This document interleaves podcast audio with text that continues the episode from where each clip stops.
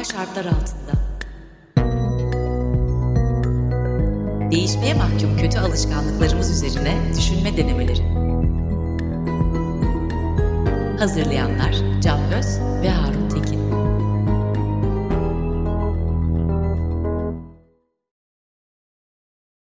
Merhaba, Anormal Şartlar Altında ikinci sezon dördüncü bölümüne hoş geldiniz. Toplamda 15. bölümümüz.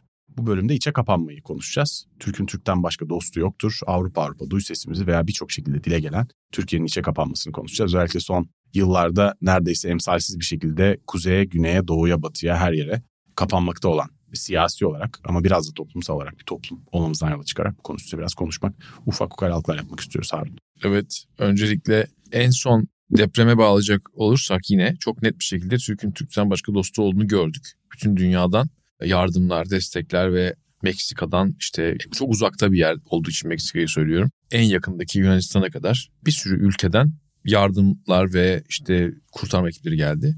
Ve böyle anlarda tıpkı 99'da da olduğu gibi Hatta çok kısa bir şey söyleyeyim. Hatta bu dönemde siyasetin Türk'ün Türk'ten başka dostu yok gibi görünmesini sağlamaya çalıştığını da gördük. Birçok yardım aslında engellendi de hatırlıyorsun. öyle de şeyler oldu hakikaten ama ona rağmen artık hani herhangi bir algı operasyon tarafından engellenemeyecek bir şekilde Tabii. dünyada yalnız olmadığımızı gördük. Hı hı. Umarım gördük diyeyim en azından.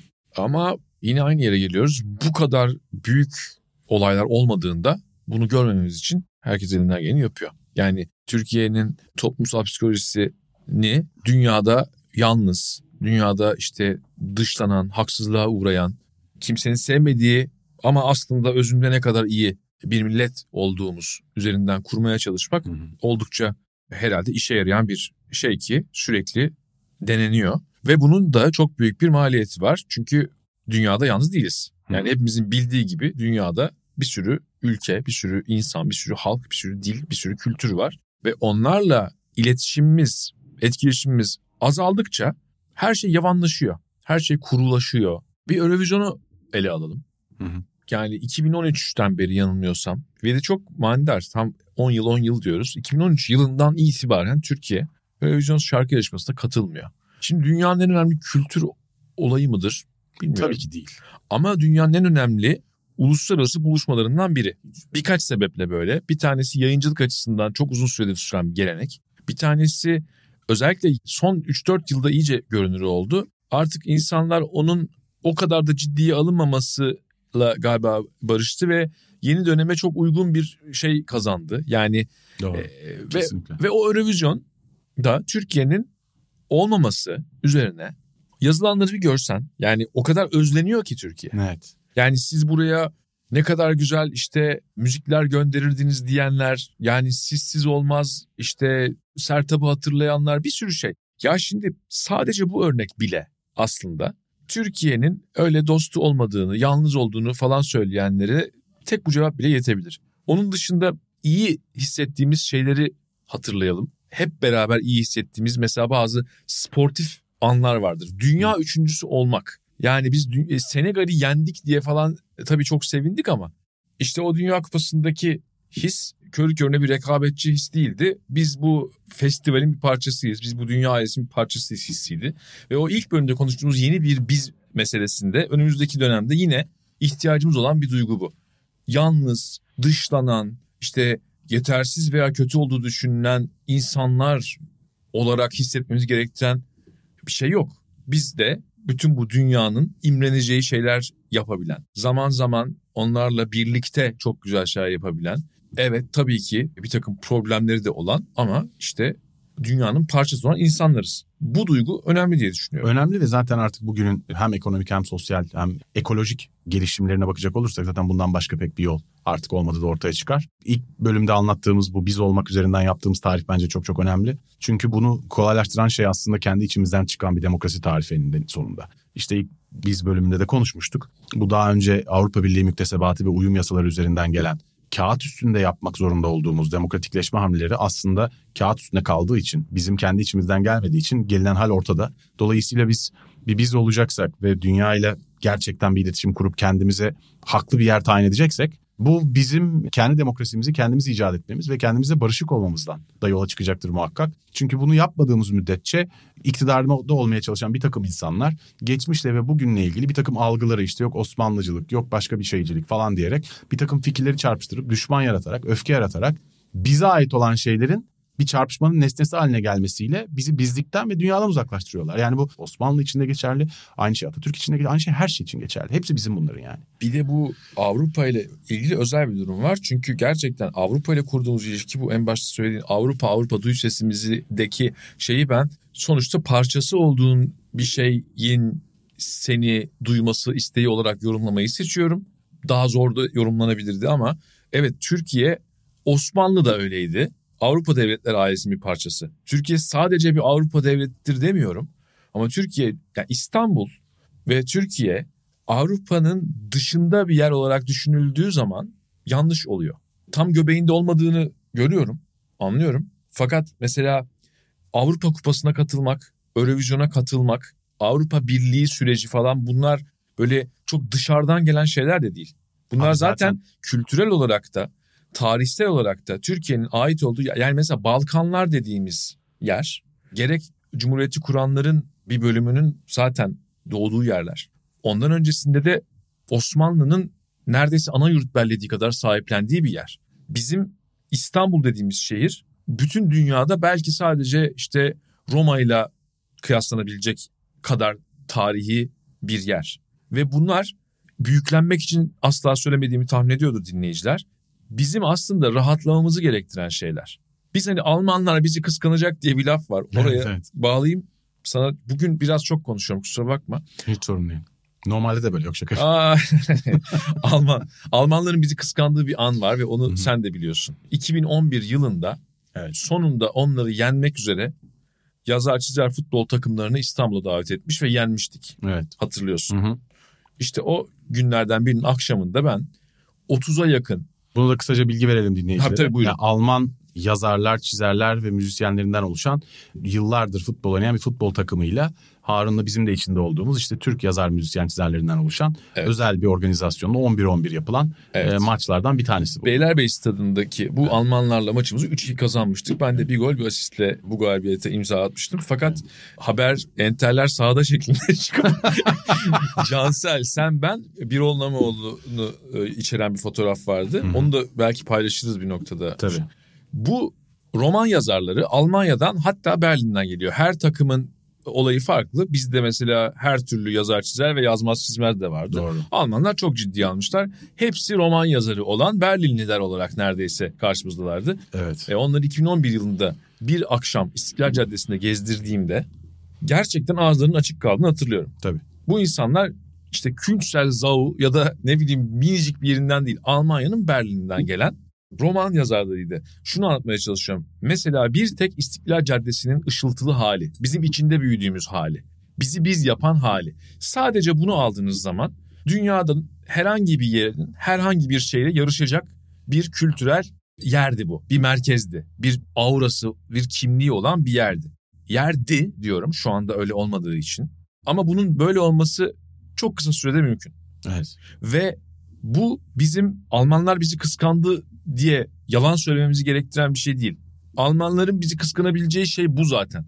Bizim daha iyi bir araba, daha iyi bir roket vesaire yapmamız değil. Bizim birlikte Ki onu da yapabilir sadece. ya yapabiliriz ama ben, ben şahsen sözelciyim. Benim ortaya koyabileceğim iddia anlam, kültür, edebiyat, sanat üzerine olabilir. Ve bunlarla beraber bir iyi hayat ideali üzerine, bir güzel hayat, bir birlikte güzel bir e, zaman geçirmek üzerine olabilir ve bunların mümkün olduğunu hissedeceğimiz yıllara ihtiyacımız var. Mesela Erasmus programına çok kızıyorlar değil mi? Şey sağ muhafazakar şeyler, mahfiller.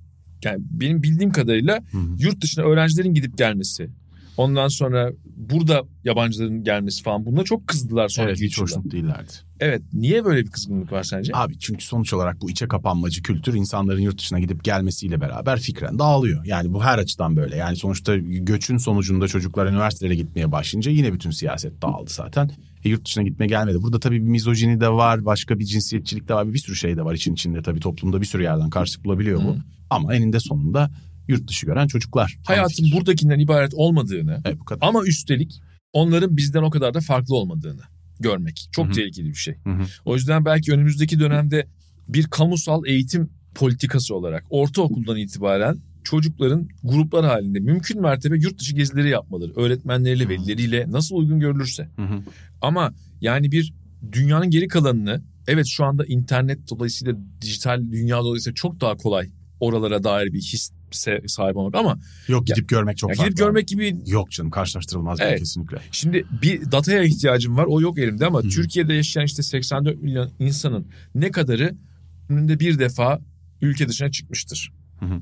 Ben bunun böyle çok ciddi Oluşa düşük Türkiye. düşük bir sayı olduğunu tahmin ediyorum. Bu sayıyı çok yükseltmek gerektiğini düşünüyorum. Çünkü Hı hı. Türkiye'nin daha başka bir bölümde söyleyeceğimiz gibi gerçekle barışması lazım. Ve o gerçek tamamen kötü bir şey değil. O gerçeğin içinde çok sıkıntılı şeyler var. Bir de o gerçeğin içinde hiç de o kadar sıkıntılı olmayan şeyler var. Bir tanesi mesela ya evet rahatlayabilirsek eğer bu gerginlikten kurtulursak burası inanılmaz bir yer. Evet hiçbir yok. Ee, ama burayı eğer cehenneme çevirmek istersek de epey yol almış durumdayız. evet kesinlikle.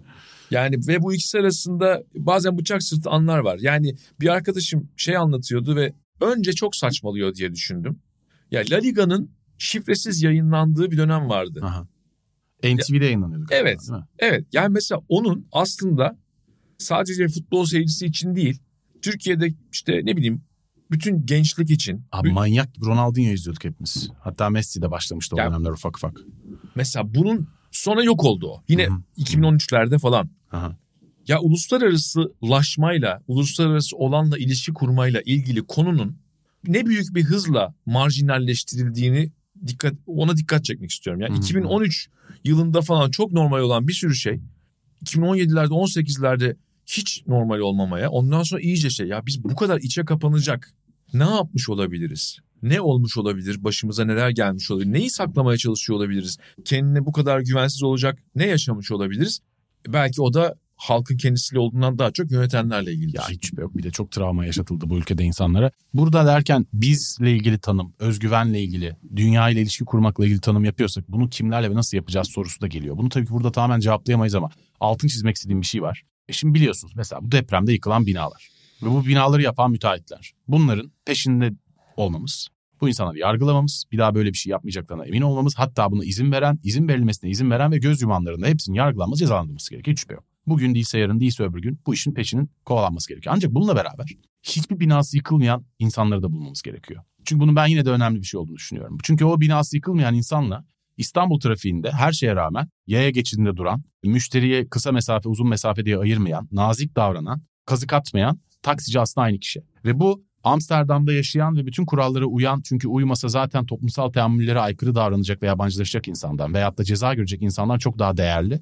Evet yani vasatı normalleştirmemek gerekir hiç şüphe yok ama bu dönemde bu kadar büyük yozlaşmanın olduğu ortamda hiç yozlaşmadan durabilmiş, görevini özellikle çok iyi yapılmış insanları da özel olarak onları da tespit etmek ve onlara belki de bir takım görevler vermek gerekir diye düşünüyorum. Çünkü bunlar çok değerli insanlar yani. Onlardan o kadar az da yok bence. Ay yok, evet. Ama işte bu öfke nöbetleri vesaire konuştuğumuz şeylerden dolayı sanki iyi veya düzgün davranışlar azmış gibi hissediyoruz bir yandan. Hı hı. O bizim de belki kötümserliğimizin etkisiyle böyle bir şey oluyor.